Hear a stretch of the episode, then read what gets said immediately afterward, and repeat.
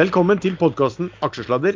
Mitt navn er Lars Branningen, i denne sammenheng kalt Reideren. Og med meg har jeg Kjempehappy amatørtrader Sven Egil Larsen. Og tidligere Jalla-konge Erlend Henriksen. Erlend, hvordan ligger det an med vår kjente og kjære disclaimer? Eh, ikke hør på noe av det vi sier, vi er totalt uansvarlige. Gir ingen råd dersom du hører på hva vi sier her om markedet, aksjer, enkeltaksjer og livet for øvrig, er ansvaret helt og holdent ditt eget. Det kan forekomme feil i det vi sier om i dette programmet. Panelet og panelets gjester kan være langt, kort, direkte eller indirekte eksponert i aksjer, selskaper og produkter som omtales. Skal vi se, mine herrer. Du, Erlend, du hadde vel et ønske i dag om å ha en mastodontlang episode hvor du skulle bruke lengre tid på analyse av eh, Equinor og DNB, er det sånn? Ja, det er riktig. Det, disse Jalla-selskapene, det, det, er jo bare tull for tiden. Det, det skjer jo ingenting. Så jeg har eh, nå gått uh, all in i, uh, i Kredittkassen og Statoil. Kredittkassen og Statoil. fant noe litteratur i lageret mitt. Jeg har masse gode og fine aviser som ikke går ut på dato. Og der eh, sto det mye pent. Det sto bl.a. at bankaksjer er sikkert som banken. Eh, det var vel Jeg husker ikke når den artikkelen var fra, men eh, 80-tallet en gang, tror jeg. Ja. Ja, fordi at eh, Erlend, det har jo kommet kommentarer eh, på deg og på også eh, meg og, og, gameren som var i forrige episode. at vi, vi, overhørte helt, eller skjønte liksom ikke helt at du faktisk sa at du, du, du snakket om Flyr, og at de skulle fly fra Fornebu. Eh, og det er vel på linje med Kredittkassen, det. Og, og, ja. Jo, men jeg var alltid imot å flytte den flyplassen.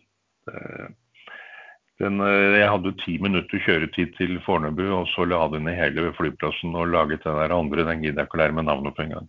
Ja. Man, kan ikke, man kan ikke godta alt som skjer i endringer i samfunnet. Man trenger ikke å sutre og klage og gå i tog og brenne ansiktsmasker og sånn, sånn som Charter-Svein.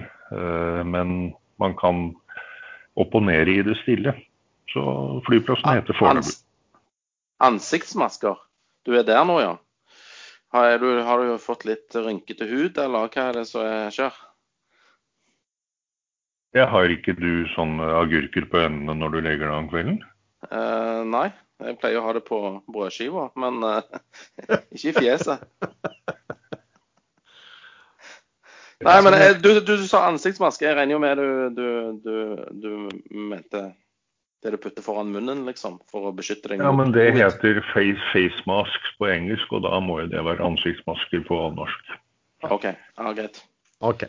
Men altså, vi, vi, har også da mm, spilt ut på sosiale medier at ikke bare skulle vi ha den lange analysen av da som blir Statoil og Kredittkassen, men at jeg, jeg, skulle også bruke en tid på å gå, gjøre en regnskapsanalyse av alle sparebankene på børsen, med spesiell vektlegging av Sunndal og Surnadal sparebank. Så det har jeg sett fram til nå en hel uke. Ja, det, ikke sant. Det er vel da vil, vil, vi komme litt i kategorien som å se maling tørke, tenker jeg, på, på skalaen til folk. Nei, men jeg, jeg, må, jeg må, si litt om Sunndal versus uh, Surnadal, da, siden du spiller det inn så elegant her. Ja da. Uh, uh, Surnadal de ligger 117-118 nå, og Sunndal ligger 118-119. Kunne tro da at, at uh, Surnadal har falt litt tilbake. Men de har delt ut 8,5 kroner i utbytte. Så jeg vil si Surnadal fortsatt er favoritten her, altså. Mm. Spennende. Du, um, det, var, det, var, også noen som skrev om, uh, om uh, influensere på sosiale medier. Og på Facebook så fikk jeg tilbakemelding fra en som skrev at uh, da burde jeg skaffe meg konto på TikTok. Eh, hvorpå jeg svarte at TikTok er man ikke der for å danse. Eh, og, og, og, oppfølgeren min var vel egentlig at, kanskje jeg skulle foreslå da, til at enten da eh, Jallakongen eller eh, traderen eh, lagde sin egen investordans og la ut på TikTok. Og som en elegant da, eh, overgang, Sven, så har jo du gjort det så bra i dag tidlig at du er vel klar for å spille inn en gledesstrålende investordans og legge ut på TikTok nå? Nei, det er jeg ikke klar for i det hele tatt. Men uh, jeg tok noen uh, Eller jeg har ikke gjort det ennå. Jeg tok noen, en liten sånn seiersdans her litt tidligere.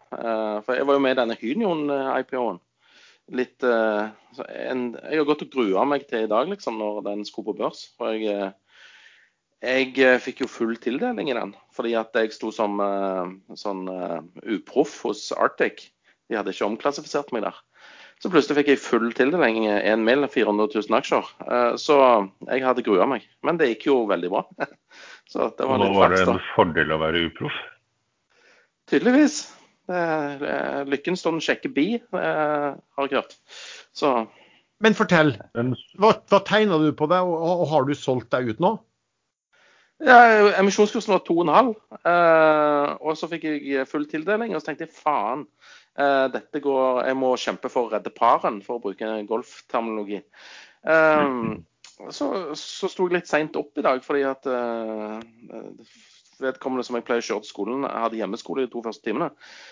Så fikk jeg bare sjekke tikkeren, og så står det ut som han skulle åpne for ti kroner, og så åtte kroner. Og så måtte jeg bare ja, sette i gang og få gjort unna morgenstellet i en helsikes fart. Og så eh, har jeg brukte vel en tre kvarter da på å selge meg ut, så jeg fikk rundt fire kroner aksjen. Eh, så det ble jo 400 000 ganger 1,5. Det er jo penger, det òg, liksom. Så Hvis kursen var på 8-10 kroner da du så det, hvorfor solgte du ikke den bare på best? Ja, han, var, han var låst i sånn auksjon eh, pga. at han lå jo, ut, lå jo, an til å, å åpne opp tre ganger over eh, emisjonskurs. Så jeg fikk solgt de første på 85, og så solgte jeg litt nedover. Ja, det var vel sånn at Den brukte vel et kvarter på å komme i gang med handelen den, den eh, aksjen dag pga. Eh, høy oppgang.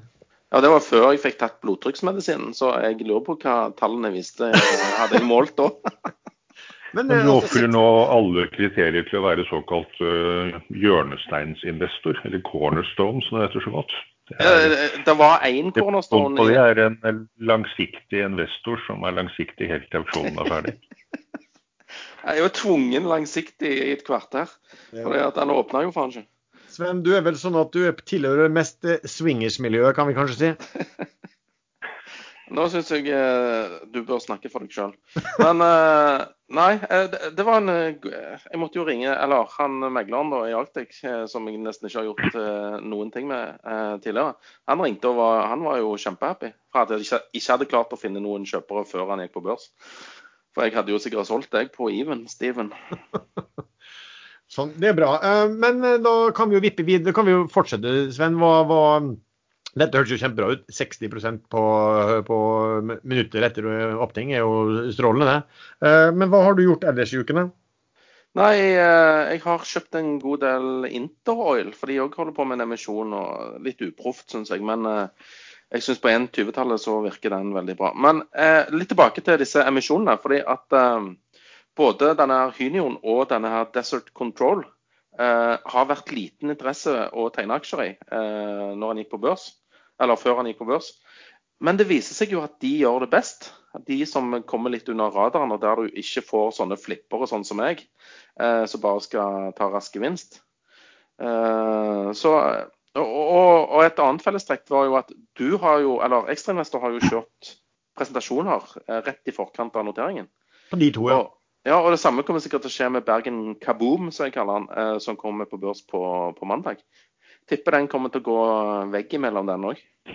Alltid hyggelig, når, hyggelig når kunder gjør det bra. For vi hadde altså um, både Hynion og, og, Bergen Carbon hadde sending via oss uh, i går. Og, uh, og Desert Control hadde det på tirsdag, og de gikk jo også på børsdag på onsdag. ja, for det, jeg, jeg snakka med Fearnley rett før uh, vi gikk på sending her. og bare spurte hvordan, hvordan det lå an med Bergen Kaboom. da, og Den ble tredje sånn 15,5-16 i dag. da. Jeg solgte jo den uh, if issued på 16 uh, uh, samme dag det gikk an å, å, å, å handle den uh, if issued. Så gevinsten der er jo tatt for lenge siden. Men uh, så ramla ned i 13,5 igjen og fikk tilbud om å kjøpe tilbake. Men han megleren jeg bruker der, han er ikke flink nok selger, syns jeg. Så han fikk ikke meg til å hoppe på igjen. Han tvang deg inn? Han jeg gjorde ikke det. Han, sa ikke at dette er garantert avkastning. Dette kom deg inn. Det Ja. sa han ikke. It's now or never, liksom. Ja, ja, jeg syns det vitner litt om eh, De burde gå på kurs, syns jeg, for å bli litt mer overbevisende. Salgskurs. Ja. Eh, er det ellers noe du har handla, eller noe emisjon? Ja, jeg, jeg har uh, handla OTS. Den eh, snakket jeg om for to uker siden. Den spratt opp i 350. Da, da solgte jeg eh, de aksjene. Men nå har jeg jo fått kjøpt tilbake igjen en del lavere enn jeg kjøpte sist. Så nå er det bare å vente på eh, fusjon med Passordgruppen, Og så får vi se om, om de to passer sammen, på en måte. Og så har jeg føler jeg har gjort noe annet òg. Eh? Jo, jeg kjøpte noen aksjer i Petrolia. Det var en veldig motivert selger der. Så jeg bare tok imot de aksjene der òg. Men er ikke det veldig vanlig i petroleum, at det er motiverte selgere som avløser hverandre? Men hvis du går og ser deg sjøl i speilet, så tror du du skjønner hvem den motiverte selgeren var? Eh, Jeg har ikke hatt noe i den, men eh, nå skjønte jeg ikke helt hva du mente. Nei, jeg, forstod, jeg forsto vel kanskje at det var det, eh, at det, det Universet er i ulage, for det er jo du som pleier å kjøpe mine aksjer. Jeg pleier ikke å kjøpe dine. Så- Ja, men dette er jo nå, nå er du inne på PSE, på Petrolia. Eh, Ja, det var det jeg snakket om, var det ikke? Jo. Jo. jo. Nei, jeg tenkte på P-Nord, jeg. Jeg trodde det var den du Det var jeg som, eh, var jeg som Nei, petroleum. Petrolia, jo, nei, eh, der er jo eh, De hadde jo en prøveboring, og kursen gikk bare til litt over 11 kroner. eh, Eller rundt der. Og jeg hadde jo tenkt sett for all time high. Så jeg ble bare sittende, og ble sittende med ned òg. Dessuten hadde jeg jo forhåpninger til at det skulle komme melding om CO2-management. Det tror jeg kommer til å bli veldig stort, og det tror jeg fremdeles. Men når kursen begynte å ramle ned på nitallet, da tenkte jeg at nå har jeg jo gjort den generaltabben som man ikke skal gjøre. Det er at man lager seg case nummer to når case nummer én feiler. Eh, Case nummer én var ny all time high. All time high. Eh, Så jeg begynte å selge på 9-tallet og 8-tallet og solgte det siste i går på 7,30, og da skrev du at du tok imot. Så her er eh, universet i julelaget, som du sier. Det pleier å være helt Ja, Dette er helt feil, for jeg har jo kjøpt masse Intro. Jeg kjøpte nesten en million aksjer der i går på forventninger om vakuum. Så jeg forstår ikke helt hva som skjer her nå. Det er ikke så lenge siden du var helt oppgitt over meg som hadde kjøpt eh, dette Axis Geo på, på vakuum, og nå, og nå også du, min sønn Brutus. Ja, jeg eh, beklager og skulle måtte skuffe dere, men eh, jeg har falt inn i vakuumfella, jeg òg. Ja, jeg har jo kuttet ut alle mine vakuum-case. Det Ja, det er derfor jeg, det, det, det er noe helt galt her nå. Nei, men, du, det, Axis det, har jeg fremdeles. ja, men vi kan si at det er en fin dynamikk da i, i panelet for, for hva vi gjør for tiden. Ja, det går litt, i, litt veggimellom, føler jeg. Sånn er det. Du, Erlend, ellers noe du har gjort spesielt som du, som du ikke har tenkt å snakke om på slutten? Nei, men jeg har gjort noe som jeg faktisk helt bevisst ikke har snakket om hele uka. Så det er ingen som har fått det med seg. Jeg har uh, fylt opp uh, banken og svømmebasseng og jacuzzien med Finn-aksjer. Finn film. De har falt og falt og falt siden eh, emisjonen ble satt på 0,82. Den ramla under og var helt ned på 0,66-tallet i går. Ja, på mandag. Og det hadde jeg Grunnen til at den faller, er fordi folk har trodd at disse warrensene som løses inn eh, Der er det C-warrens kan løses inn fra 1.4 og ut juni. Og rett før slutten av mars ble det meldt at 58 millioner ca. B-warrens ble, ble løst inn. Og de er jo på 25 øre, så der har markedet tenkt at de skal sikkert vippes ut fortest mulig.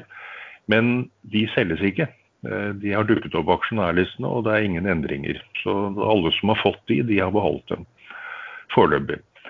Um, men heller ikke A-warrants, som eh, kom i fjor fram til nyttår, eh, ble solgt. Så jeg skjønner ikke helt hvorfor markedet har vært så redd for de. Eh, og det var bare 58 millioner, og det er 1,3 milliarder aksjer i selskapet. Så det er jo egentlig Allerede i dag er det omsatt 11 millioner aksjer.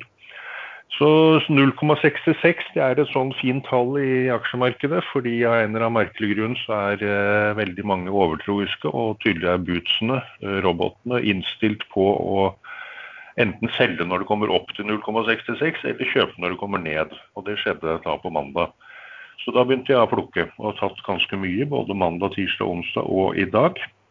Uh, I dag er det fredag, så da er det enda en dag jeg plukket. Og den er nå oppe over 0,80, så det har faktisk medført at jeg har tatt igjen uh, godt over halvparten av tapet mitt i PSE. Og så får vi håpe at Sven tjener litt på den også. Ikke verst. Jeg har, jeg, jeg har jo mest i den Nocoen, jeg, vet du, så jeg, det er den som er min langsiktige. Men det er kun pga. at det går ikke an å selge den. så jeg, jeg, vet ikke hvor lenge jeg blir i den eh, Petolia PC-en. altså. Jeg kan ikke love at jeg er en langsiktig investor der. Men jeg hører dere to på sånn kjøp og salg her, så er det jo sånn, da har vi ofte sett på ekstrainvestorchatten det er da at noen gledesstrålende forteller at de har kjøpt eller solgt, og så kommer det bare en kommentar fra, kjapt en kommentar noen sekunder senere fra, fra, fra den som solgte. Så det, jo, det blir jo spennende å følge med hvem, hvem, hvem, som, hvem som tar med dette her eh, rett. Men eh, Sånn er det jo. Erlend har jo funnet seg et annet uh, siktemål, så det er jo, da er jo veldig long forgotten hva man er gått ut av. Ja, og så var, det var veldig godt at jeg ikke var med på forrige episode, for da hadde jeg sikkert snakka varmt om Prosafe. Eh, fordi at jeg tok jo et bet der på den rettssaken. Så der, der uh, hadde vi mista halvparten av lytterskaren, tror jeg, hvis jeg hadde snakket om den da. Du, men fortell eh, Jo, jeg, jeg, tok et bet der. Jeg kjøpte ganske mange aksjer òg. Eh, på 1,60, tror jeg det var. Ja, 1,50 til 1,60.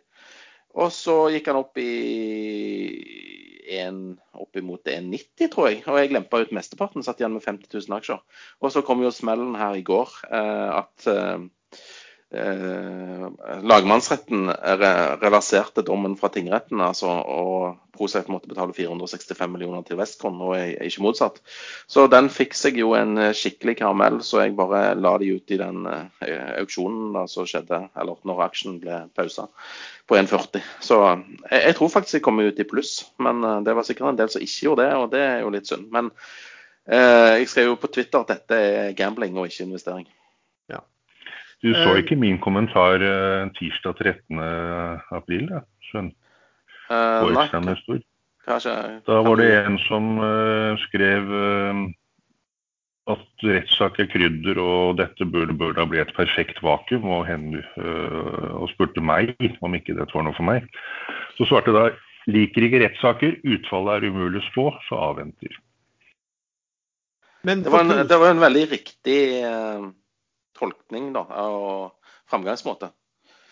Av og til så viser du eh, sånne eh, tegn til normalitet, eller eh, intelligent liv, på en måte. Det, det, det tror jeg var det et kompliment, Sven? Ja, det var det beste jeg fikk til. Men eh, Erlend, fulgte du med fordi at en ting, Det var jo noe annet som var litt spesielt med den Procef-fallet. Fikk du med det, Erlend? Uh, nei, egentlig ikke. Eh, ja, jeg, jeg, en liten digresjon. Jeg så at noen skrev at uh, dette kan jo gå bra likevel. De kan jo anke til Høyesterett, men det må folk slutte å tro. Det er nesten ingen saker som uh, blir tatt opp av Høyesterett. Ja. Men Sven, du fikk med deg hva som var spesielt da som skjedde rundt tredje Ja. Nei, eh, nå vet jeg ikke helt hvor du vil hen. Men yes. det som var litt spesielt, var at den nyheten om at yes. Westcon hadde vunnet saken, den lå jo på eh, energi24.no, eller hva det nettstedet heter, to timer før eh, ProSafe sendte Før Open, faktisk. Ja, før Open. Ja, riktig. Og det ble jo da omskrevet Da var det jo noen i, eh, på Extra Investors chat som posta dette her at oi, de har jo tapt denne saken, her er, her er lenken. Og så, så sa det bare skvopp ned. Eh, og um, Prosef var altså 20 minutter etter at det her var omtalt på uh, Extra Chat, hvis jeg så det riktig, så kom Prosef da med børsmelding om at de hadde tapt denne saken. Og ja, i mellomtiden, mellomtiden kom jo Finansavisen òg med en sak før børsmeldingen. Ja, 20 minutter før. Ja, jeg tror, jeg tror, det var sånn at den hadde falt da fra, fra 1,60 til 1,10 eller et eller annet sånt på de 20 minuttene, fra, hvert fall fra den var nevnt første gang på ekstrainvestor til, eh, til ProSafe Prosef klarte å komme med sin melding. Men, men som Prosef som case, da, altså Betyr det egentlig noen ting? De, de, de, de, har vel gått fra å være veldig konk til superkonk, reelt sett? Ja, det er vel milliard eh, minus på egenkapitalen der, så Ja, det er vel en milliard dollar, ikke? Jo. Dette tapet vil jo sikkert øke sannsynligheten for at bankene går inn og tar kontroll. Så Det å eie. Prosef nå, det er vel eh, Plutselig får man en matching holdt i trynet, og så har man tapt alt.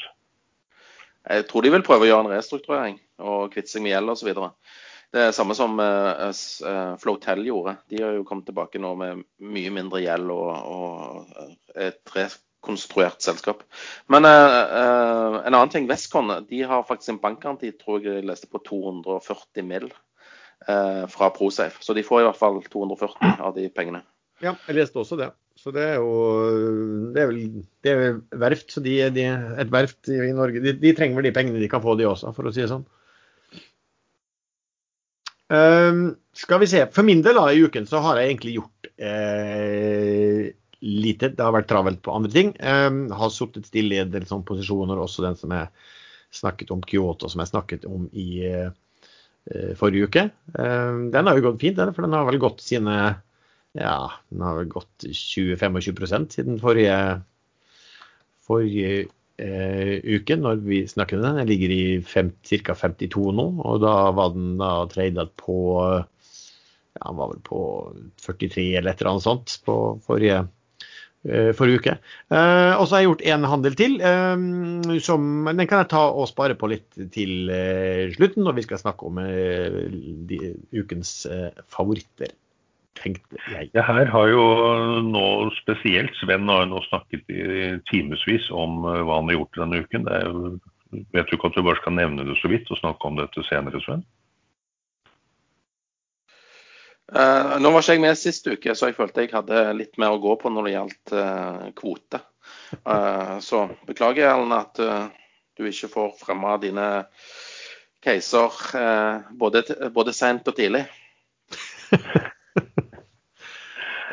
Skal vi gå over til litt sånne case som vi har blitt, ja, blitt spurt i og fått innspill på. Eh, batteri. Der har det vært innspill. Altså, der har det tydeligvis kommet en, eh, en, en, forhandling mellom eh, UK og EU som har eh, betyd, stor betyd, kan ha stor betydning for, de, for norske batterisatsinger. Erlend, hva er det som har skjedd?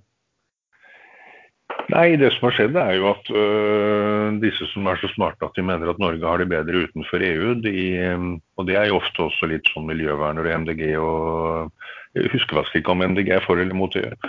Men øh, det som har skjedd er at øh, UK forhandler en avtale med EU om øh, frihandel eller øh, delvis frihandel, og det ligger an til at de må betale øh, 10% øh, toll for batterisalg inn til EU, og da vil det også ramme Norge, som visstnok da ikke hadde noen avtale på dette fra før. Og i Norge er det jo planlagt eh, et utall batterifabrikker. Så dette kan jo velte alle regnestykker hvis den 10 %-tollen går igjennom. Ja, og hvem, hvem er det da som Er det hva, Hvilke norske selskap? Er det, noe, noe relevant i kapitalmarkedet? Freyr. Freyr er, eh, det er jo Gjelseths øh, drøm bort på Vestlandet, som skal på børs i USA også, via Alus-spacken. Uh, Mo i Rana, er ikke det det, det, er det jo, kanskje det er det gjentatt etter hvert. også kalt Vestlandet? Ja, men det var vel eh, Jeg husker ikke. De skulle vel egentlig etablere den fabrikken eh, sør i Norge et eller annet sted, men så var det noe tull der. Men uansett, det er jo, fordi det er flere oppstartfabrikker rundt batterier i Norge som nå plutselig kan komme en situasjon hvor, hvor man bor i annerledes utenfor landet Norge og får en tollbarriere inn mot hele markedet i EU. Hele caset var vel at de batteriene må endte, altså Når de skal bli solgt til et ferdig produkt, så må batteriene enten komme fra EU-land eller fra UK. Det er vel det hele avtalen eh, går ut på. Og Norge har ikke fått inn den delen i EØS-avtalen sin, så den må eventuelt legges til for at ikke 10% ekstra skal bli lagt til. Men Men er, den, eh, sannsynligheten for at den blir lagt til, er vel ganske stor, er den ikke det? Er ikke det sånn litt sånn typisk eh, heises røde flagg, og så ordner det seg på bakrommet? Jeg tipper det ordner seg, ja. Men eh, det er jo, det er jo ikke så kjekt med sånn støy. Nei, og er, er noen som, Vi har jo snakket litt om det før, fordi at Freyr er jo da Altså Alus er vel det som heter, som er et sånt spekk som vi har snakket om før. sånn spe Special Acquisition Vehicle, eller hva pokker det heter igjen. Um, som et, et slags børsnotert bankkonto på en måte i USA som skal brukes til å kjøpe seg opp eller fusjonere med et uh, selskap som er spennende og skal på børs. Og dette Alus skal vi da gjøre det plan, etter planen med norske Freyr.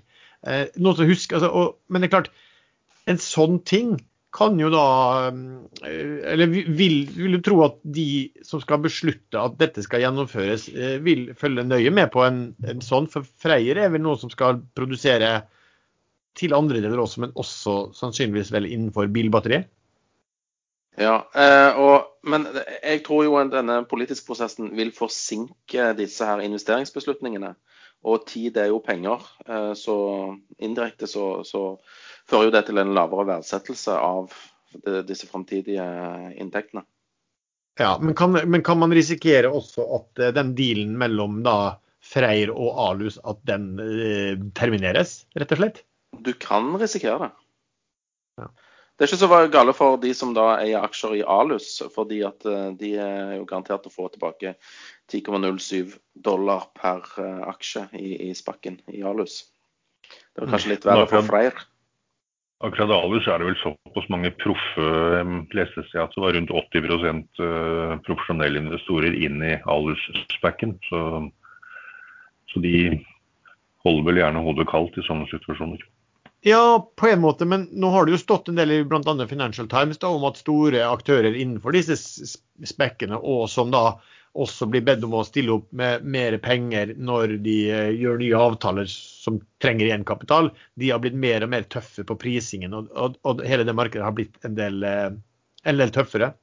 Så, så, for å si sånn, De kommer neppe til å være spesielt snille hvis de, hvis de, ser, hvis de oppfatter at dette er en, en vesentlig usikkerhet vil jeg tro. Det ser du jo på det der H2O òg, eh, altså Fusion Fuel.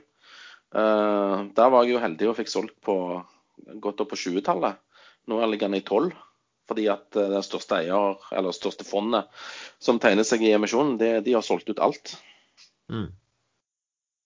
Hva er du sa, Lars? Nå er det snakk om å noen har søkt om å få etablere SPAC i Norge også? Ja, for børsen gikk jo ut og sa det at eh, nei, de, de, eh, de, de ville ha midlertidig stopp på den type eh, på Specs på Oslo Børs. Jeg stussa litt på det med en gang, for det, det finnes jo per faktisk ingen noterte Spec i Oslo. Men det som sto i artikkelen, var vel at det var en del søknader som lå inne om å notere sånne på Oslo Børs. Og det hadde de tenkt å ha en liten pause på, på en måte, eller vente med å gi tillatelse inntil de hadde fått vurdert ting bedre? Det syns jeg de burde òg. Ehm, dette blir jo en gjentakelse av eh, disse børsgallene, som Spetalen spesielt var eh, veldig dyktig på å kjøpe billig og putte et annet selskap inn. Eh, og da komme på børs uten all, alt som er rundt en vanlig børsnotering. Ehm, det har det blitt endret på, så nå er det jo vel det er ikke noe sånn veldig fordel å gå på børs via en, eh, et skall lenger nå. Og Ulempen med et SPAC er jo at hvem som helst egentlig kan hive seg inn på børs i USA, sånn som Nicola gjorde, uten noe særlig kontroll med hva som egentlig ligger bak. Ja. Vi har jo tenkt det kom jo at vi skulle sette opp en X i spekk, eh, og så skulle vi da ta eh, bestemme oss i løpet av aksjesladderepisoder på hvilke selskap som, som, skulle, som det skulle kjøpes for pengene. Det blir sikkert bra. Jeg skal, jeg skal, snakke varmt om det hvis jeg får en, en dugelig eierandel. Hvis ikke så skal jeg slakte det. sånn er det jo. um, skal vi se Jeg skal hva... selge, selge den på åpning uansett. Ja, ja. Jeg skal ligge short. Skjult short. For en gjeng. Denne episoden er sponset av CMC Markets. Og med oss som vanlig så har vi eh, sjefen Henrik Sommerfelt, som kan fortelle oss litt om eh, tjenestene. Hei, Lars. Jeg eh, tenkte jeg skulle si litt om beslutningsverktøy i dag. Um, hos MC så er vi jo opptatt av å, å, kunne gi best mulig informasjon til kundene våre for å ta mest mulig kvalifiserte beslutninger. og Derfor tilbyr vi en rekke forskjellige nyhets- og analysefunksjoner Jeg skal ta for meg en, kun én av disse i dag. og Den ene er i denne sammenheng Morningstars kvantitative analyserapporter. Morningstar har sikkert mange hørt om i forhold til fondsuniverset og, og rating av fond. Men våre, disse morgenrapportene vi har, oppdateres hver dag i, i PDF-format og produseres for samtlige aksjer i vårt globale produktutvalg. Det er kun tilgjengelig for live-kontoer, og, ikke for demokontoer, disse her da. Men man finner rapportene i produktoversikten per aksje i plattformen. Analysene samler alle fundamentale tall for en aksje og genererer en rekke verdiestimater ved hjelp av Morningstar sine egne uh, beregningsmodeller. Estimatene brukes sånn til å sammenligne hvor mye en aksje kan være verdt i forhold til gjeldende kurs. Så altså et estimat på fair value i forhold til siste stengningskurs. Med andre ord så antyder det om en aksje er under eller overpriset, og om en eh, mulig retning i fremtidig uh, kursutvikling. Så denne Rapporten leverer en enkel og effektiv oppsummering av de siste nøkkeltallene for hver aksje. Tall som prisbok, price sales, price earnings, utbyttegild, historiske regnskapstall etc. er lett tilgjengelig i rapporten. Disse rapportene har ingen subjektiv analytikermening eh, bak seg, og baserer seg kun på kvantitativ eh, Jeg anbefaler alle aksjesladers aksjeinteresserte lyttere, som jeg vil tro er de fleste, eh, og da særlig de som har blitt kunder hos oss, til å kikke på denne funksjonen.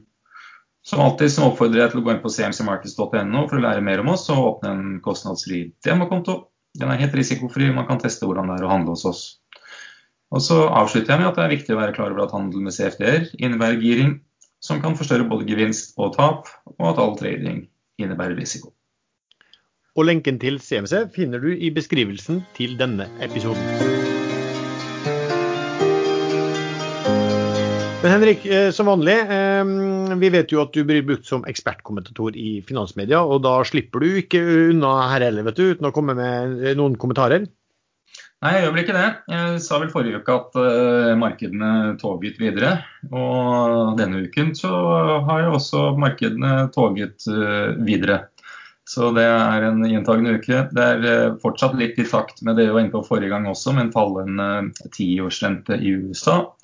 Eh, den er nå på én måneds lav, under 1,6 eh, sist jeg kikket. Eh, det var noe sterkere inflasjonstall enn forventet på tirsdag fra USA. Men de var ikke sterke nok til at man tror at Fed vil gjøre noen endringer i forhold til hva de har sagt tidligere i forhold til rentebanen f.eks. Uh, og I går så sendte knallsterke amerikanske retail sales-tall uh, og, og, lavest antall ukentlige førstegangssøknader om arbeidsledighetstrygd siden før pandemien, bl.a. Dow Jones til en ny all time high. Så Det er liksom veldig gode, uh, gode tall som driver markedene oppover. Og så er det gjerne litt negative tall som driver markedene oppover til tider også. Så nå er det litt sånn good news is good news, og, og bad news is good news.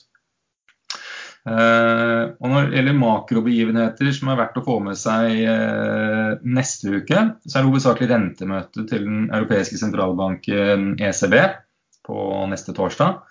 Og Her er det liksom mest av alt for å høre om hva de sier om fremtiden. Uh, og I tillegg så neste fredag så kommer det PMI-tall fra, um, fra eurosonen også, som sier noe om innkjøpssjefenes forventninger om fremtiden. Når det gjelder denne, disse PMI-tallene, så er det tall over 50 som indikerer fremgang, og under 50 tilbakegang. Litt sånn om, stemningen eh, hos innkjøpssjefene. Ellers, som jeg var inne på litt så vidt sist også, så eh, er det jo med den uken som kommer at det kommer litt mer tall for Q1 i Norge når det gjelder um, resultatfremleggelse. Annet så kommer ABG og Nordic Semiconductor på tirsdag. Kitron, Wackybody onsdag. Torsdag er det Norwegian, eh, altså flyselskapet, Gjensidige og PGS. Fredag er det Entra, Tomra, XXL og Yara. Så litt tungvektere der mot slutten av uken. Eh, og så er det en del andre selskaper òg, da. Men det var liksom de viktigste. Så det var egentlig det fra min. Det gjenstår å ha en strålende neste uke. Veldig bra. Tusen takk skal du ha, Henrik. Vi hadde jo en eh, en eh, påskespøk som gikk, eh, ja, i hvert fall fra, vårt synspunkt, ganske vellykket, om at eh, meglerhusene hadde klaget så en masse til Finanstilsynet at Finanstilsynet hadde stengt oss ned. Eh, og vi vet vel også at det ble sendt inn hvor mange vet vi, men mail til Finanstilsynet. Men nå kom det jo plutselig en, en artikkel opp eh, som snudde på flisa i forhold til liksom litt, litt vårt tøysete forslag. Sven, fikk du med deg hva, som, hva Finanstilsynet holder på med? Jeg har handla så mye aksjer siste tiden at jeg har ikke lest nyheter. Uh, nei, uh, de skulle sjekke disse dealene uh, på selskap som har gått på Ironix Grøt.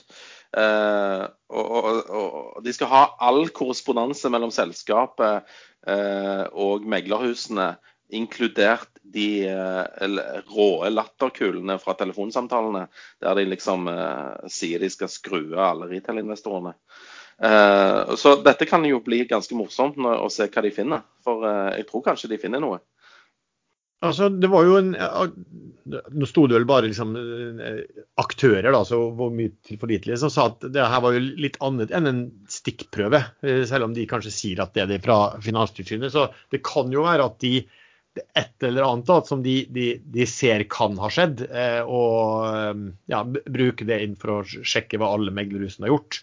Jeg tror, men jeg tror ikke det var bare meg jeg tror vi skal også inn i eh, revisjonsselskapene, bare med å få informasjon fra de også.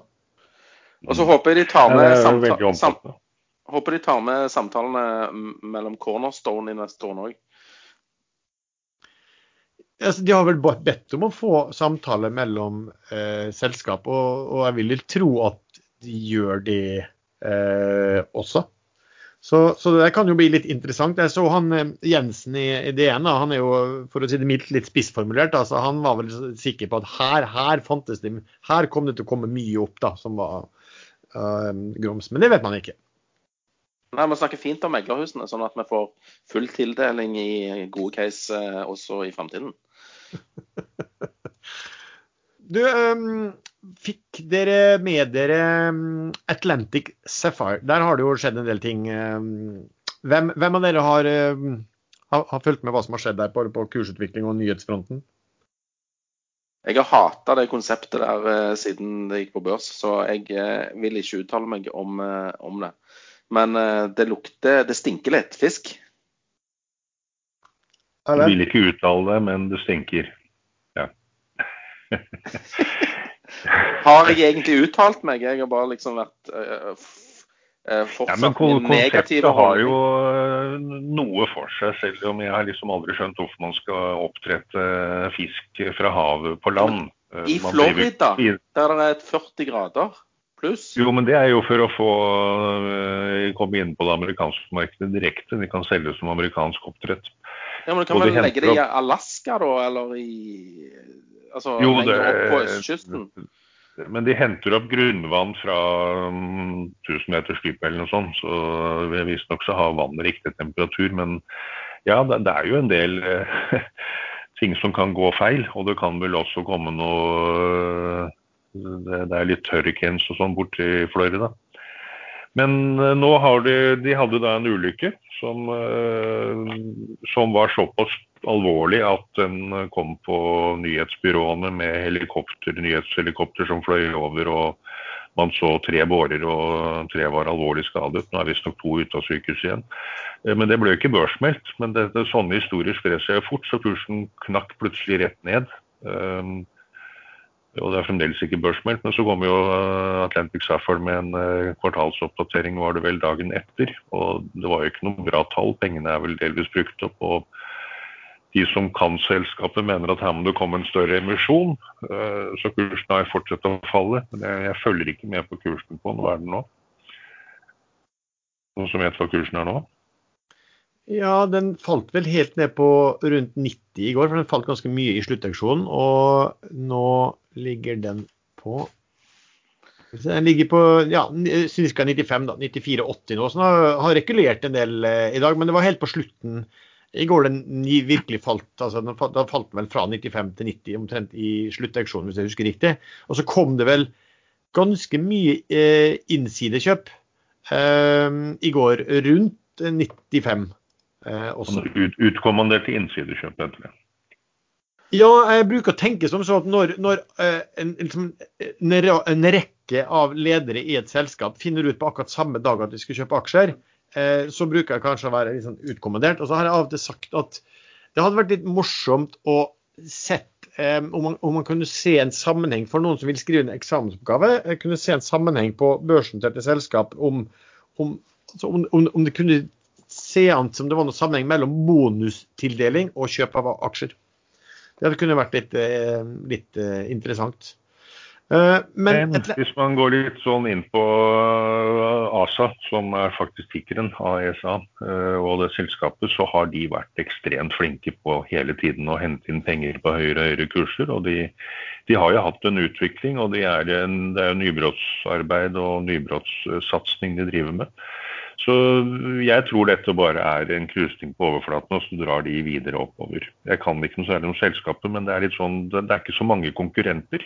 Eh, de har en uh, fanskare, og de er, eh, har gode kontakter med meglere og, og, tunge investorer, så de klarer helt sikkert å hente inn penger en gang til og dra videre oppover. Men altså, fisk skal, være, skal ikke være på land, de, vet du. Det skal være i havet. Det er derfor jeg, jeg har kjøpt sånn uh, iFish igjen. Det er sånn uh, iskaldt vann på Island, da får du ikke lus.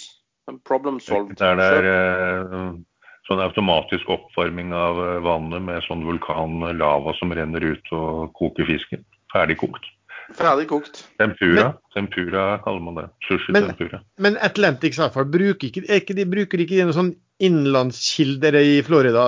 Så det, de er det, er jo, naturlig vann de bruker. Det er jo ikke pumpa vann opp fra noe sted, da? Eller, eller jo, kanskje? Jeg tror det er salt grunnvann. Ja. Men jeg er ikke sikker. Men er det sånn at det, salt, det, det grunnvannet er, er, er, varmere enn hva det ellers ville være? og sånt? De har liksom, må, må, kjøle det ned og sånn, eller hvordan? Nei, jeg, Grunnvann pleier å være fire grader, eller hva det er. Det kommer dit. Jeg kan, jeg kan ikke så mye om det.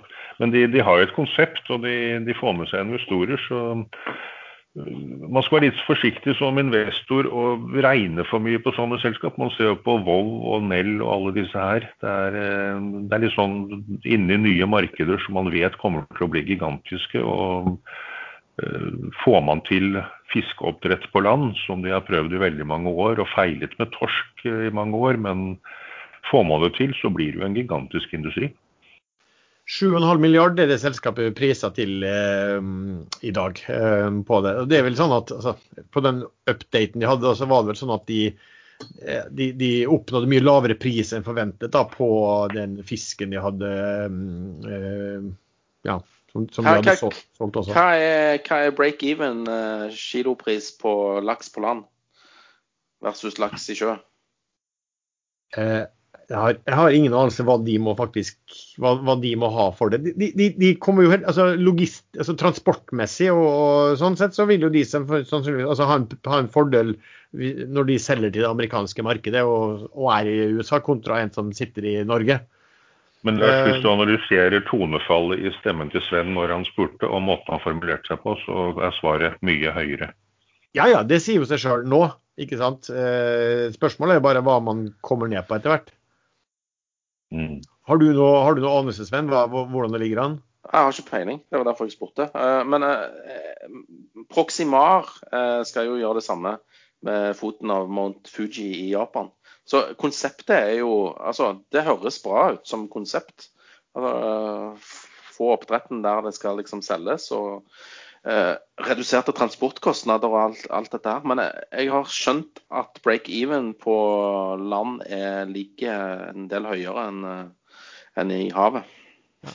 Men skal vi sammenligne med en annen bransje som fikk litt av det på? Hvis du, hvis du bare sånn, tenker på Shale i sin tid, så lå jo også det eh, ja, ja. mye høyere, og det sleit. Plutselig så fikk de til en sånn metodikk på det, og så klarte de å trekke ned eh, kostnadene, produksjonskostnadene eh, veldig mye.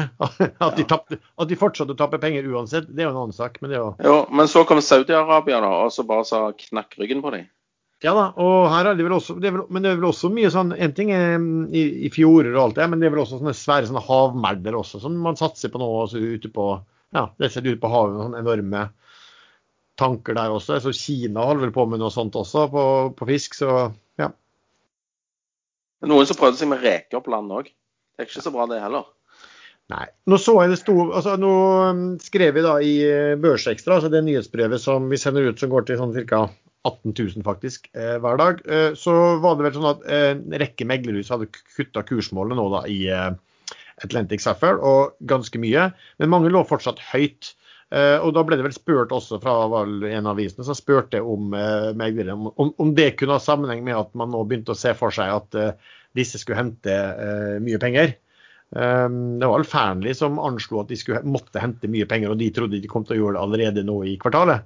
Uh, og da er det jo ofte slik at uh, Vi vet jo hvordan det fungerer da, i forhold til meglerhusene og kursmål og skjønnhet. Så gjøre seg, gjøre seg mest mulig attraktiv for å få slike mm, oppdrag også. Det virker ikke, det ikke som Fearnley trodde at de skulle få oppdraget. For de senkte jo kursmålet ned til 106, tror jeg det var. Mens de andre lå jo milevis over. Børsen er oppe over 1 i dag. Er vi på all time high nå, eller? 1087? Nei, pluss 10,086 var det. Jeg, har, jeg har i hvert fall gitt opp det der bear-caset mitt nå. For det, eh, det skjer jo aldri. er vi på nå. Det skjer jo aldri. Det bare går og går og går. Ja. Hvorfor har det vært bear i et år? Uh, nei, for det, det, er ting som kan tyde på at uh, ting er litt dyrt. Men uh, who cares, Teddy Bears, liksom. Det bare går. Du, um, annet tema. Um, det kom da jeg føler nesten at det er en stund siden det har skjedd litt, sånn, litt sånn større saker. Men nå kom det plutselig da et uh, stort uh, oppkjøpstilbud på, på børsen. Uh, DNB som eh, eh, da har lagt inn bud på S-banken. Noen som har fulgt med hva som har kommet derifra? Erlend? Jeg så S-bankens eh, reklame for ikke så lenge siden hvor de hadde bilde av en gribb på, som hoveddel av reklamen, og det var da DNB som var gribben. Så her har virkelig mor funnet uh, datter i kjærlighetsekte forhold. Nei, DNB, S-banken har vært en uh, irriterende liten uh, mygg for DNB. Uh, de har satt ned prisene på de fleste tjenestene, og DNB har måttet følge etter, om, om en måte like mye. Uh, Realtime-kurser i trederen til DNB gikk plutselig ned fra 150 kroner måneden var det vel, til 30. Så, sånne ting koster jo DNB mye penger, og da er det mye billigere å betale 30 over uh, børskurs for S-banken enn å la de fortsatt være en plagsom konkurrent. Mm. Men man har jo andre, da. Bulder har jo nå plutselig fått masse nye kunder fordi folk allerede nå, før dette er vedtatt, rømmer S-banken og leter etter alternativer. Ja, Bulder, og Bulder er jo eid av Sparebanken Vest. Til og med jeg holder på med en prosess å flytte boliglånet til Bulder.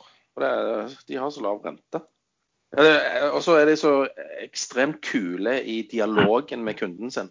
De er så Altså, jeg føler meg veldig ungdommelig når jeg har den banken da. Ja. Kjør på, bare kjør på med reklame. For at jeg eier både jeg eier Sparebanken Vest fra lang tid tilbake. Vi husker jo, Nå er det jo, ja, begynner det å bli et par år siden, det er nå snart, eh, hvor de, mm, den der Sparebankstiftelsen gjorde et sånt stort nedsalg der eh, i Sparebank Vest, og der du fikk bonusaksjer hvis du eh, satt på de i, først i 12 måneder og så i 24 måneder. Så det ser veldig bra ut. Eneste triste var jo at man ikke fikk så mye som man bestilte, men sånn er det jo av og til. da. Men jeg, jeg så forresten at jeg så også det her den og, en, og, flere andre reklamer som S-banken hadde. og Da var det jo litt fornøyelig at de skal liksom inn i DNB og, og skryter nå at dette skal, kan bli bra. Uh, men så så jeg også at det var jo også uh, S-banken har vel tatt mer av, av boliglån f.eks. Der, der har DNB mista markedsandel. De har pressa ned prisene på fond og sånn. Så, så S-banken er vel De har vært flinke å presse ned prisene. Og spørsmålet er vel kanskje om S-banken har vel gått for å være teknologisk veldig flinke. Um, kanskje for at de startet fra en base uten å ha masse gamle IT-systemer. Mens eh, jeg vet jo at en del av de der litt eldre bankene har slitt da med, med IT-systemene sine som har ja, uh, trengt oppgradering. Så det kan være at de har en, hadde en, en, stor fordel der, da, S-banken, på at de kunne gjøre ting billigere og derfor kunne presse prisen. Så er, så er DNB virkelig så ille som så mange sier. De har jo nå en ny ungdommelig kvinnelig sjef som har tatt en god del grep allerede. Kanskje de er på vei eh, ned på riktig side, litt mer forbrukersiden. Hvilke grep? De har bl.a. begynt å slå eh, helt ubrukelig eh, stål til havs-selskap konkurs. De er smart. Ja. Nei, vi, Du mener de har blitt litt mer, litt mer kundevennlig, på en måte? Det er det du prøver å si? ja. Nei, jeg var ikke, Jeg jeg har faktisk eh, ringt DNB noen ganger de siste par ukene, og da kommer man nå til den snakkebutsen. Og når jeg sier eh, verdipapirkonto, så spør Bootsen mener du verdipapir eh, verdipapirservice. Så sier jeg nei. Og så blir det en liten pause, og så spør den en gang til akkurat det samme. Og så går det Men, fram og tilbake. men har du begynt å snakke til støvler òg nå? Hva? Har du begynt å Ja, snakke jeg- til støvler? Jeg føler at jeg får den støvelen midt i trynet innimellom. I disse covid-tider så må det være hyggelig for deg å ha noen å snakke med.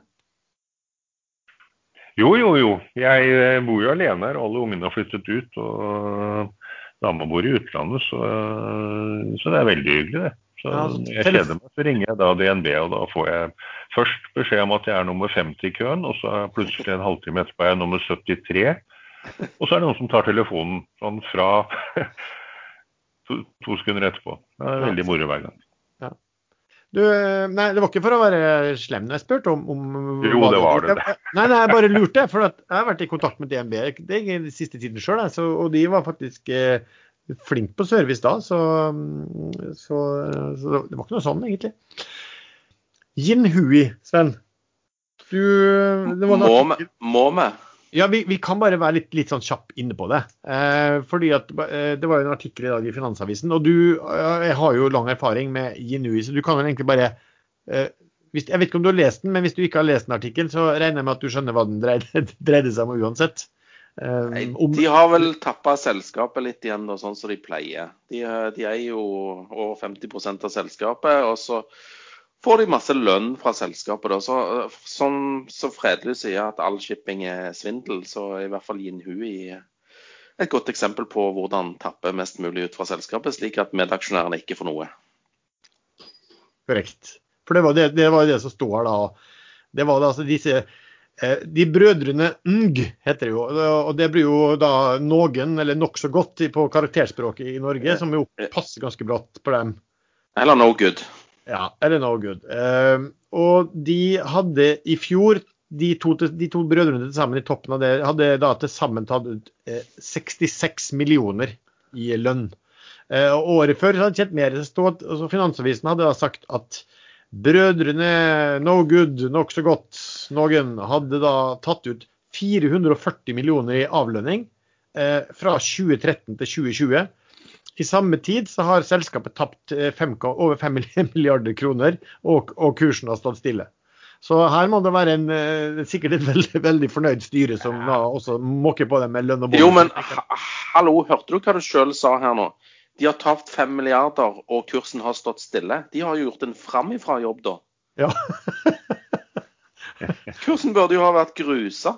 ja, det er sant. Uh, nei, det er derfor de får de Ja, jeg syns de burde få mer bonus. Hvis de Ja. klarer å opprettholde eh, aksjekurs og tape 5 milliarder, det er fantastisk godt jobba, eh, brødrene Ng.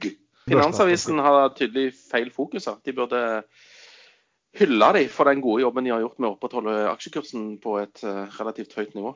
Ja, så nok så, nå, her blir det endringer. Jeg kan ikke kalle de for nokså godt lenger, da. Jeg ser forresten på, på børsen i dag, eh, så det, gikk, gikk det ganske mye eh, en, en, stor post i Endur. Noen, noen av dere fikk, fikk med dere det i dag. Eh, den er jo nå den, det var det en som hadde begynt å selge, som var en veldig stor aksjonær. Jeg tror det var, tror det var 40, over 40 millioner aksjer som gikk nå eh, i dag eh, da endelig ut på 90 øre. Eh, og det er jo da de, den kjente gjengen han Horpestad og Skårstad og litt der som har plukka opp de. Eh, og da er det kanskje et sånn overheng da på salg, litt sånn salgsoverheng som eh, man antar er borte. Og kursen er nå opp eh, 7 til eh, ja, nesten ned på, ned på over 1,10. Men de, eh, han kjøpte 12,75 millioner aksjer til kurs da utenfor børs før åpen på 0,90. 90 øre. 0,90 92, 90,2 øre. Og det gjorde de alle sammen. Så ja, de har sikkert uh, tenkt at ti, ti øre under børskursen, så var det greit. Men det var en fordel å få de løse aksjene der ut, for alle vi så jo at uh, den storeieren ble solgt ut. Så. Ja, men de er jo flinke, da. Det gjelder jo å kjøpe billig og selge dyra Jeg, jeg, prøver på det samme, jeg altså. Jeg lykkes ikke i så stor grad som uh, enkelte andre. Kjøpe lavt og selge høyt, det er jo Ja, ja. Jeg, det er liksom det jeg prøver på hver dag. Ja. Så skal vi sitte og rakke ned på for de har mer penger enn oss. Det syns jeg er urettferdig for de som har mye penger nå. Ja, men det, men det gjør vi ikke. Nei, det er jo det jeg sier. Vi bør ja. slutte med det. ja, Vi kan ikke slutte når vi ikke har begynt med det. Nei, Vi må hylle de. Hylle disse stjernene. Ja. Det er sånn dere skal gjøre det. Eller dere som hører på. Kjøpe billig, selge dyrt. Og så repeat. Rinse, repeat. Du, eh, du, snakket om uh, Interoil, uh, at du hadde gjort litt der i starten. Sven, men Kan ikke du si litt hva som skjer i forhold til den emisjonen og de tingene der? Åh, Maken til suppegjeng, altså. Fordi at Først henter de 10 millioner kroner i en sånn emisjon uten meglerhus, men da de bruker DNB som oppgjørsmegler. da. jeg tegner der og får tildelt sånn, husker ikke hvor mye, men sånn 30% av det jeg skulle ha, eller noe. Fint, det. Og så Hæ? 20, tror jeg det var. OK, 20, da. Men det ble fint, for jeg hadde jo shorta oppe på 1,70-tallet og så bla, bla. Ukeblad. Og så, eh, ikke før du har fått uh, dekka shorten, så kommer det uh, melding om ny emisjon, for de skal drille noen nye hull borti Sør-Amerika der. Hvorfor kunne de ikke hente alt på en gang? De må jo ha visst at de skulle drille de hullene før de eh, henta de første ti millionene. Men kanskje de var usikre på om det var interesse for å liksom, tegne aksjer. Men uansett, da. Jeg syns dette eh, vitner om eh, litt amatørskap. Men når det er sagt, jeg har kjøpt masse aksjer der. Eh, jeg tror at eh, Interroll på 1,20-tallet eh, kommer til å bli bra fordi at de skal drille masse hull, og så kommer det resultater fra disse hullene, og så går kursen i to kroner. Det kan du sikkert gjøre. Men en annen ting de har gjort, er at de kjører emisjonene uten noen som helst fortrinnsrett for dagens aksjonærer. Så det er ikke en det er ikke en rettet emisjon, men en uh, helt åpen emisjon for alle, hvor de som eier aksjer, ikke har en eneste fordel framfor de som ikke eier aksjer. Alle får lik tildeling. Det kan da ikke være lov. Uh, Fortrinnsrettet emisjon skal jo være regelen på børsen. Hvordan, hvordan, kan man hente inn 30 millioner kroner og si til uh, markedet at alle får likt? Her er det bare å tegne seg, så får alle prosentualt likt. Man får ingen fordeler ved å være aksjonær. Jeg tror det er en fordel for dagens aksjonærer eh, at de får fylt opp denne emisjonen. Jo, men ville den blitt mindre fylt opp om man hadde sagt at de som eier aksjer, får eh, en fortrinnsrett? Det virker på meg som en del av de som er aksjonærer i Interol, er litt fattig. Ikke tegner de så mye i emisjonen heller. Det er sånn 10% av emisjonen skulle de ta, disse større aksjonærene. Altså, de, men de gjorde jo denne emisjonen da før. Jeg tegna med jo der også, så da gjorde vi det alle tre og fikk tildeling også. Eh, eh, men da, det, da de, det gikk de vel ut og så, sa, og så sa de at dette er kursen, og her er det en god rabatt til kursmålet, ikke sant? Eh, men nå, når de nå kom med den nye emisjonen, det første kursmålet de sa, var vel at da var det vel ikke, det var ikke mange ørene rabatt til, eh, til aksjekursen da. Husker, var, altså det var vel 1,46 de gikk ut med. Og da var kursmålet Nei, aksjekursen Nei, Han var over, godt over 1,50 i hvert fall. Han hadde jo gått opp i 1,90 og så falt litt tilbake. Ja. Så det var ikke sånn ulogisk med 1,46. Det var litt over forrige emisjon, så det tydeligvis var stor interesse for. Men hadde de bare istedenfor å gi folk 20% tildeling, så kunne de jo gitt mer tildeling og hatt kursen på 1,33. Eh, de har egentlig drept seg ut nå på den måten de har gjort dette på, syns jeg. Eh, men òg med den forrige emisjonen som var på 10 mill., så tok det jo ekstra lang tid før de klarte å, å få registrert den kapitalforhøyelsen. Fordi at det var enkelte som ikke kunne gjøre opp de aksjene de hadde tegna. Så det sier jo litt om aksjonærbasen, da. Ja, Men problemet er jo da i hvert fall at når du da begynner å du setter en kurs, og så begynner du å få problemer på den, og så må du begynne å gå eh, og flytte kursen nedover, så, så liksom, markedet lukter jo litt blod på en måte også.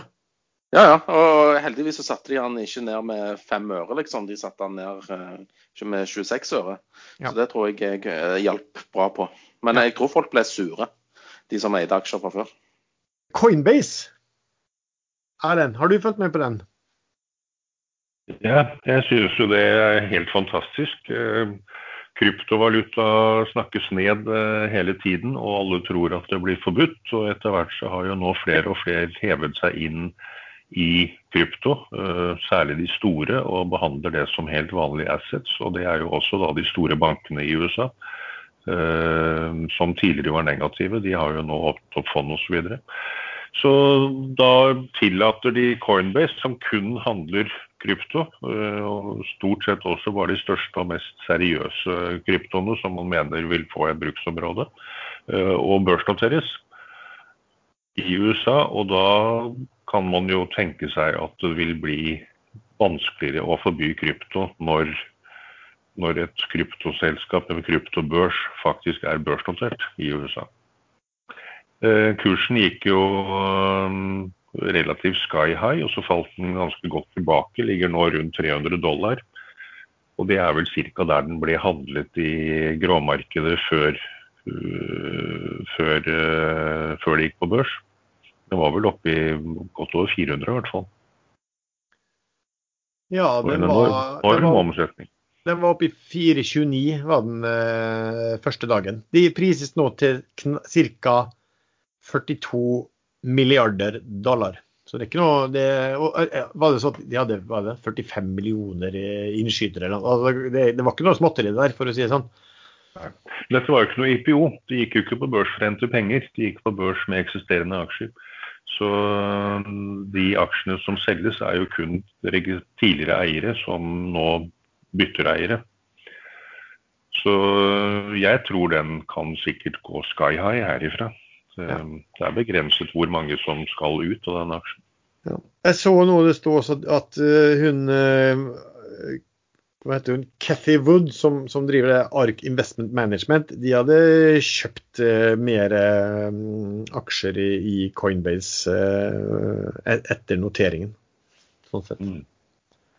Det er jo sånn, De har jo en sånn Electronic Tradable Funds er vel det Ark Investment her som har innenfor veldig mye. og Det er vel de som også skryter veggimellom hvor mye ja, det, hvor, hvor, mye Tesla skulle gå og alt der. Så det er veldig sånn om, omdiskutert eh, fond. Og hun Katie Wood er jo veldig sånn profilert, da, for å si det sånn, på, på amerikanske børser. Du Sven, eh, MPC Container og den bransjen her, har du noe annet peiling på det?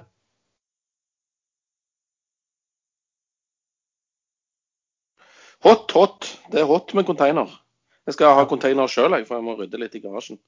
Så containermarkedet skal sky high. Det er mye varer som skal transporteres til havs. Så kjør på. Småcontainer, eh, feeder-bransjen òg eh, opplever eh, bonanza. Så eh, alt med container er kult.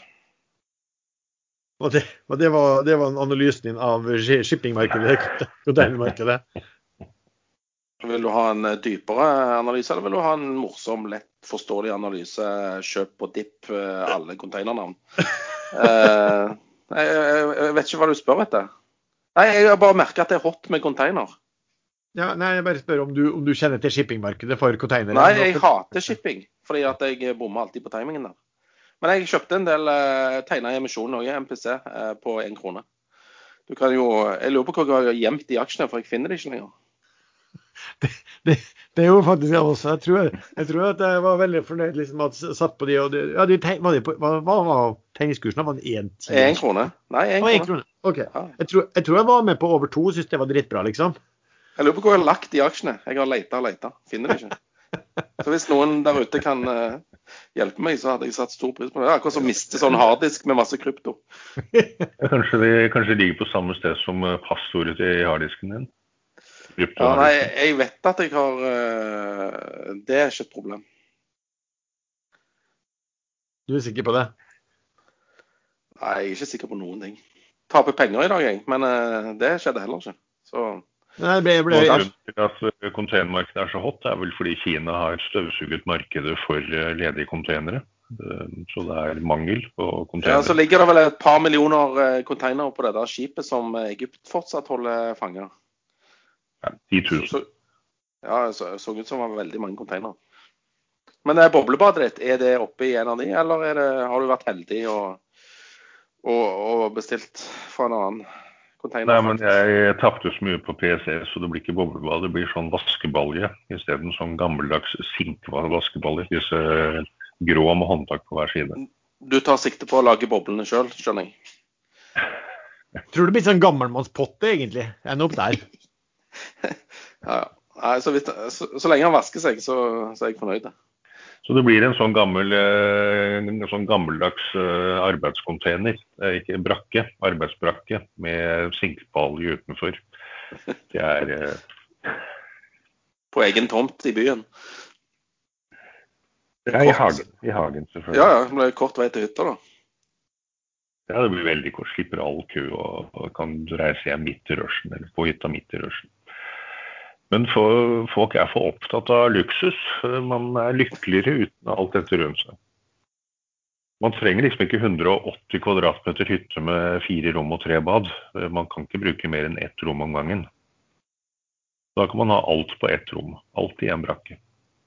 Det er ikke alle som er så ensomme som deg, vet du. Så enkelte trenger jo litt space, for de har eh, folk de kan snakke med. Men, men Erlend har det jo ikke verst, da. Han sitter da i boblebadet på, i den brakka si. eh, Og, og snakke med støvlene sine. Ja, ikke sant? Ringer rundt. Han har sikkert mange telefoner også. Han har liksom, Den ene telefonen sier at du er nummer 35 i køen hos DNB. Og en er i ja, Du kan ringe opplysningen. da. Ja, ja, det er opplysningen opplysningen også fin. Ja, den er også fin. Jeg, jeg var jo styreformann i, eh, altså i det selskapet som eide mm, 1880 nummeropplysning eh, en gang for mange år siden. Og det var jo en del, eh, var jo en del eh, enkle sjeler der også som hadde behov for å snakke med noen, og som, som ringte inn og snakket med ja, operatører der. Så det er jo bare sånn, det er et lite tips. Du har vel fremdeles sånne eh, telefonnavn til salgs, har du ikke det? Jo, jo. Eh, bare kom med en sånn 815 eh, alarm, og vi hadde en, en del sånne navn. Så det er telefon, ja. Det er ikke så hot lenger, føler jeg. Ikke så hot som containermarkedet, i hvert fall. Nei, det er nok ikke det. Eh, litt sånn, sånn smarttelefon og der også. Det er, det, er, det, er, noen selskap som bruker det fortsatt, men eh, ikke så veldig mye. De burde brukt det mer. Er bare ta kontakt hvis de skal ha noen kjempegodt telefonnummer til, til salgs. 815 kaffe har vi jo. Ja, masse morsomt. Vi kan, jeg vi vet ikke om vi har 800, kanskje 815 sladder også, det blir det neste. Vi får se. Du, Sven, har kanskje du... vi kunne legge ut den som en sånn telefontjeneste. tenker jeg. Hvis vi spiller inn tre timer, så tjener vi en god del penger. Ja. Hvis folk Tast- ringer inn for å høre på Ja. Tast, én 1 for Sunndal Sparebank. Tast 2 for Surnadal Sparebank. Tast 3 for Kringkassen. ja, men men- men vi skjønner. OK. Poenget tatt. Og vips pengene til. Ja, som vanlig. Du, Sven. Du eh, betaler jo via tellerskritt. Sammen. Det er jo det som er hele ca- caset her. Ja, men, jo, ja, men det, det er jo ikke alle som skjønner det, så derfor må du ta vips i tillegg. Aha, i tillegg, ja. Ja, ja. Men jeg, jeg, jeg, det var en som posta en link eh, i går på Ekstrainvestor i trading-chat-kanalen om ei dame som lå oppe i et eh, basseng og, og fikk sånne donasjoner. Ja. Det er noe for oss, kanskje. Ja, altså eh, vi, for, min del, etter, sånn, etter covid-tiden, nå, nå går det faktisk an å begynne å trene her. Man har ikke gjort, Er er Erlend nei fra badestampen? Og så donasjoner. Ja, og vet du hva han kan, vet du han kan si da? Han kan si f.eks. at han tenkte han sammenlignet å gå på sånn Grete Rode-kurs. Men da jeg skrev i chatten eh, ti minutter over eh, et helt klokkeslag at eh, hun kjørte faktisk et litt sånn avansert eh, stripe og enda mer show ved runde ved hele klokkeslag, da ble, da ble det jo helt stille fram til neste hele time. Det var ingen som skrev noen ting. Alle satt og ventet. Nei, men det er jo en, det er en tanke, det er jo en tanke der, Sven. Gå for, gå for badestampen og, og se hvor mye penger du kan få. Kan, kan, du, Erlend, du kan jo si at du skal komme med noen sånn jallaråd mens du sitter i eh, badestampen. Gi litt ekstra penger. jeg tror tror det kan slå an, jeg. Eh, veldig godt. Ja, i, i, i dagens marked så tror jeg helt sikkert at det ville blitt, eh, blitt veldig bra, det. Du, Sven, spørsmålet er bare Har du noen sånne synspunkter nå på eh, oljepris? Eh, nei, men jeg, jeg, jeg vil at han skal gå opp. Den har jo gått opp. Jeg vil han skal gå enda mer opp. 66,99. Ja, uh, bra det. Ja, nå var han akkurat 67 blank. Det er 66,99. Ja, nei, uh, få han opp i 100-120, så blir det god fart her på, på Sør-Vestlandet. Jeg føler at vi trenger en liten opptur her borte når vi har hatt så dårlig vær nå i årevis, føler jeg. Snakket hun faktisk opp, nå er han på 67. Ja, der gikk skjermen min i svart. Jeg har vært inaktiv så lenge. Ja, nei, men eh, jeg har ikke noe synspunkt på oljeprisen. Jeg håper han stiger. Ja. Du, ehm, er det noe annet dere har lyst vi skal snakke om, eller skal vi kaste oss over det som eh, vi har på slutten, som er eh, ukens favoritt? Nei, da, vi, da starter vi på det. Sven, hva har du som kommende ukens favoritt? I og med at jeg har kjøpt så mye aksjer i Interoil, så må jeg jo si at den skal i sånn vakuumopplegg til Gjellakongen. Så han har abdisert, så jeg er vikarierende Jalla-sjef nå nærmeste uken. Så jeg håper den går bra. Eh, hvis ikke, så skylder jeg på Erlend. Vi har snakket om han litt tidligere i sendingen, så jeg orker ikke å ta, ta runden en gang til. Ja. De skal bore hull og, og jage vekk urbefolkningen i Sør-Amerika, så det, jeg støtter en god sak. Men eh, du har misforstått litt rundt dette vakuumet. Da. Det, da er det jo, For det første skal det være ganske lenge til de nye aksjene kommer. Det er det, Ja, det er jo det. Det er jo tre, tre uker. Tre uker uker, ja, men det er ikke mange aksjer, det. I forhold til antall aksjer i dag, så er det jo bare Nei, men vakuum er vakuum. Skal, skal ikke den Nei vel, greit. Eh, Jo, den kan, eh, jeg tror også det fort kan gå til to kroner. Særlig hvis det kommer jeg, er, jeg er ikke utlært. jeg er ikke utlært i vakuumfaget, så Men jeg prøver. Tar sånne små baby steps, eh, som det heter, og, og prøver meg litt. Prøver og feiler litt. Så jeg, jeg tenkte jeg skulle prøve med Interroll. Erlend? Vi ser, bare sjekke om Norwegian, om det blir noe vakuum der. Uh, Har ikke den hatt nok, nok vakuum, egentlig? Ja, nå Den har den vært- faktisk dratt opp. Den var nede på 53 siste effekt for et par dager siden. Jeg ga den egentlig litt opp. Jeg fikk med meg en 10% 12-13% vakuumrønn her for et par uker siden. Så har jeg ikke sett noe mer på den, men nå er den over 60. 61,8. Så der er jo restrukturering vedtatt. Både i Irland og i Norge har dommeren sagt at eh, dette er godkjent. Og da er det 100 millioner aksjer fordelt på nesten bare retail-aksjonærer, som skal kjøre alle kurssvingningene fram til det kommer aksjer en gang i slutten av mai eller juni. Og da kommer det mange milliarder nye aksjer. Rundt 6-7 milliarder nye aksjer tror jeg regnet da det kom. I løpet vet, av vet, vet, vet du hvor det kommer enda mer aksjer? I, i CM Offshore. Der skal eh, obligasjonsgjeld og annen gjeld eh, konverteres til aksjer. Det kommer 23 milliarder aksjer. da. Så der, der blir det aksjer Det til alle. Nå ble han interessert, interessert, ja. Ja, det var det vi hørte fra han i dag. uh, Før han ringer til DNB igjen og sjekker. ja, ja, ja, det var for å få snakke med noen. Erlend, er, det- er det mer du eh, har som favoritter? Du nevnte jo en i, i starten. da. Du, du nevnte jo sin i starten. Men Sven, er du ferdig med dine favoritter? Har du bare Jeg kunne jo dratt eh, andre ting òg. Jeg har kjøpt litt aksjer i Philly Shipyard òg, fordi at eh, Lars har snust opp at de får NT-kontrakt der snart. Så det er bare å Men eh, den er så kjedelig, den aksjen, at jeg gidder ikke nevne den engang. Da nevnte ikke du Philly. Nei. Uh, flyr tror jeg fremdeles på. Uh, jeg er ikke så sikker på om det er plass i Norge til Flyr, NAS, Norse, Wizz Air og Ryanair og SAS etter at korona er ferdig. For det er jo ingen tvil om at det kommer til å bli reist mye mindre eh, møtevirksomhet. Gå på Nå var det veldig støy i bakgrunnen her. Ja, jeg beklager, jeg ble bare litt oppgitt, for du glemmer Widerøe. Alle glemmer Widerøe, liksom. Lever. Videre. Er det Nord-Norge ble skuffa her nå, Erlend? Ok, da, da beklager jeg det. Eh, Men det kommer til å bli altfor mange aktører i markedet når korona legger seg, i forhold til et eh, sannsynligvis kraftig redusert marked. Men det er jo lenge til. eh, Og Flyr har penger, de har ingen gjeld. De skaffer seg sine første leasingavtaler til eh, nesten gratis leasingkostnader. Eh, Starter å fly 30.6 hvis ikke det skjer noe alvorlig nytt på koronafronten. Så de ligger egentlig først i løypa. De ligger foran Nazi-løypa til å starte opp igjen. Um, så nå framover så tror jeg den kan gå bra. Spetalen, uh, der var det noen justeringer på hans 10 millioner pott uh, på Tycoon. Uh, den sank med 2 millioner her om dagen, og enda mer nå sist.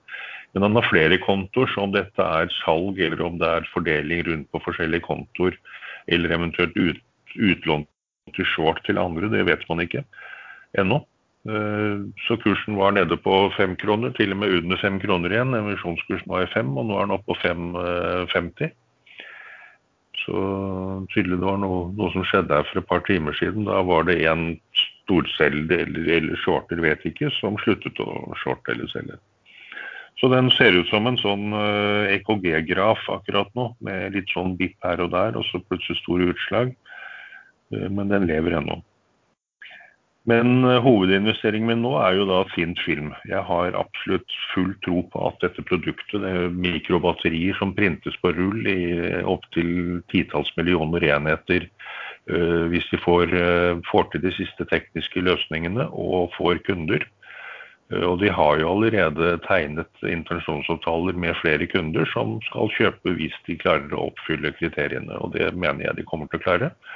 Og det skal skje allerede i Q3, og det er jo da rett rundt svingen. Så når disse warrensene ikke ble dumpet i markedet, så begynte kursen å stige. og Nå er den på rundt 0,80, og jeg tror den kommer til å dra ganske høyt oppover.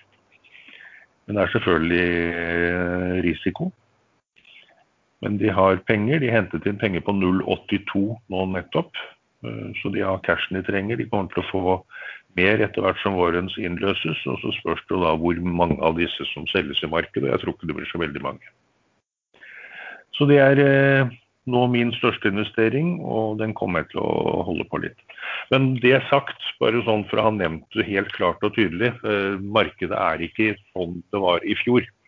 Alt går ikke til himmels, eh, så jeg kan fort finne på å selge på ganske små kursbevegelser og bli mye mer trader i år enn jeg var i fjor.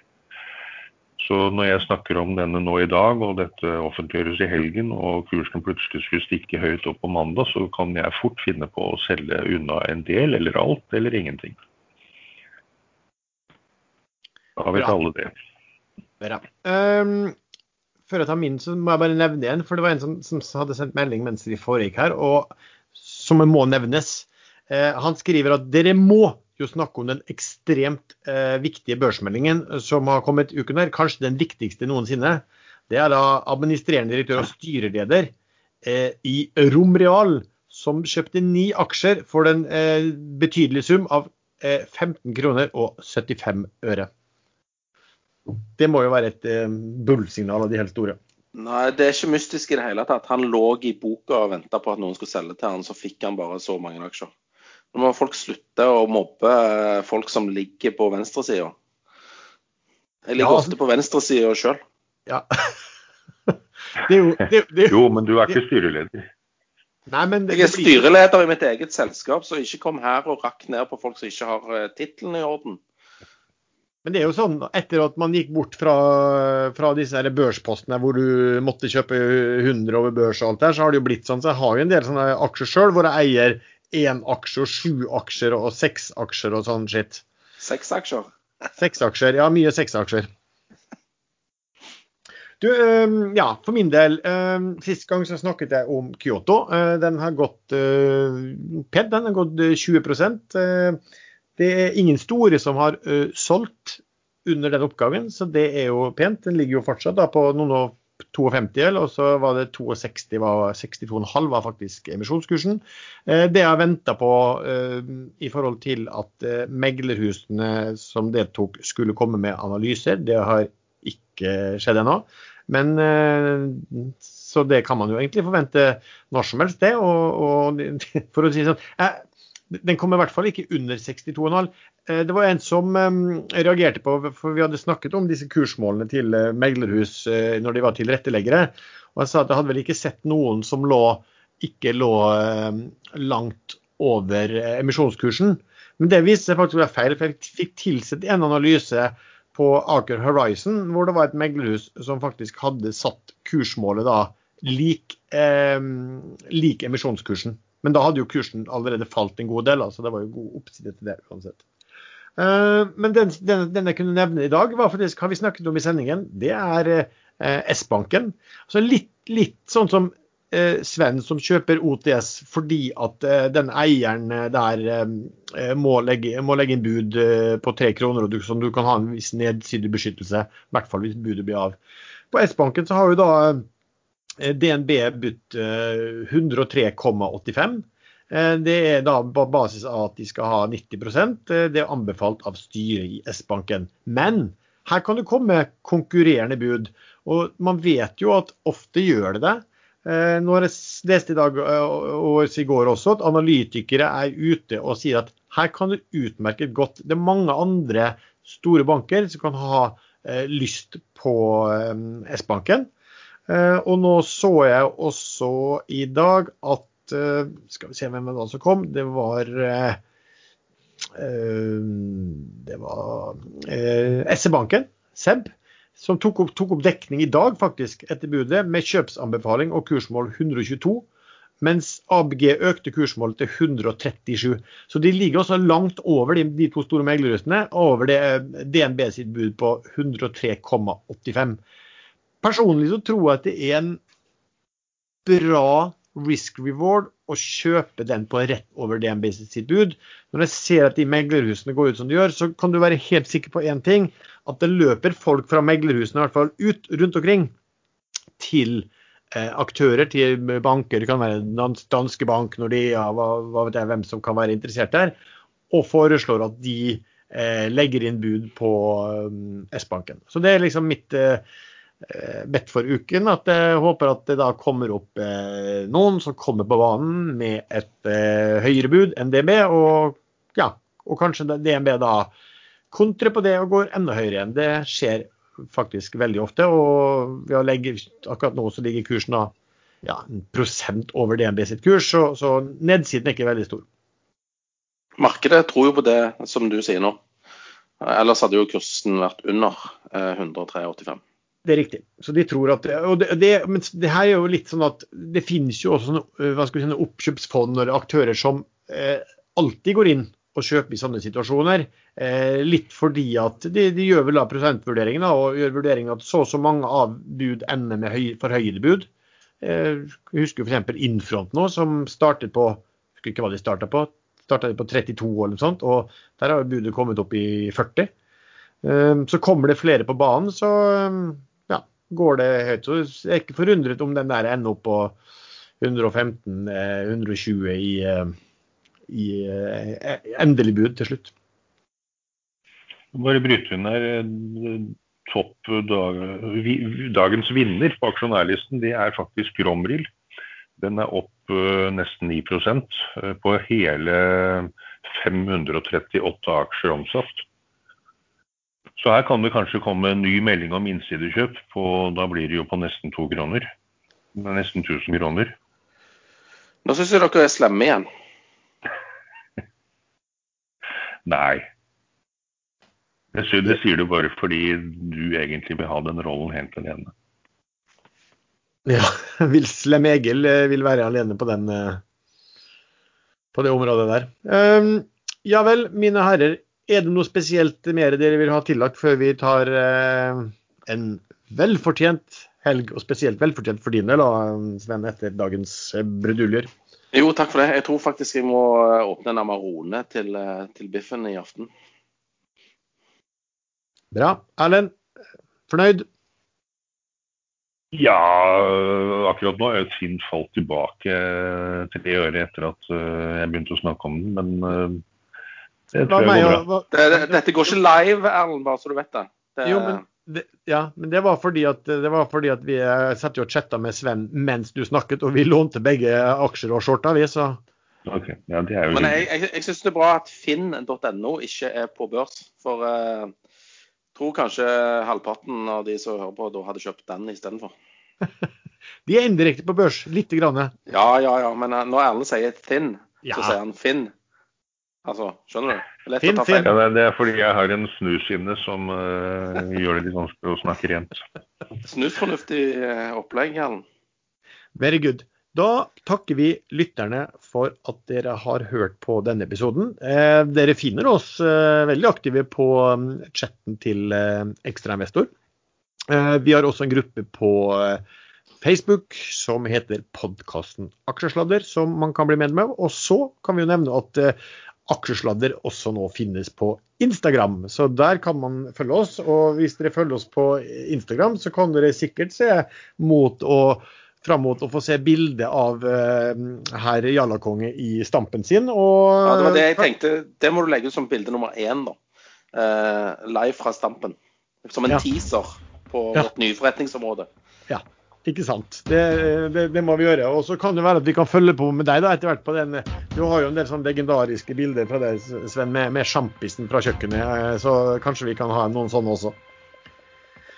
Men OK. Eh, ja, takk så mye for nå, og fortsatt god helg til de som hører den i helgen. Det er lang hale på dette her, så mange hører det senere.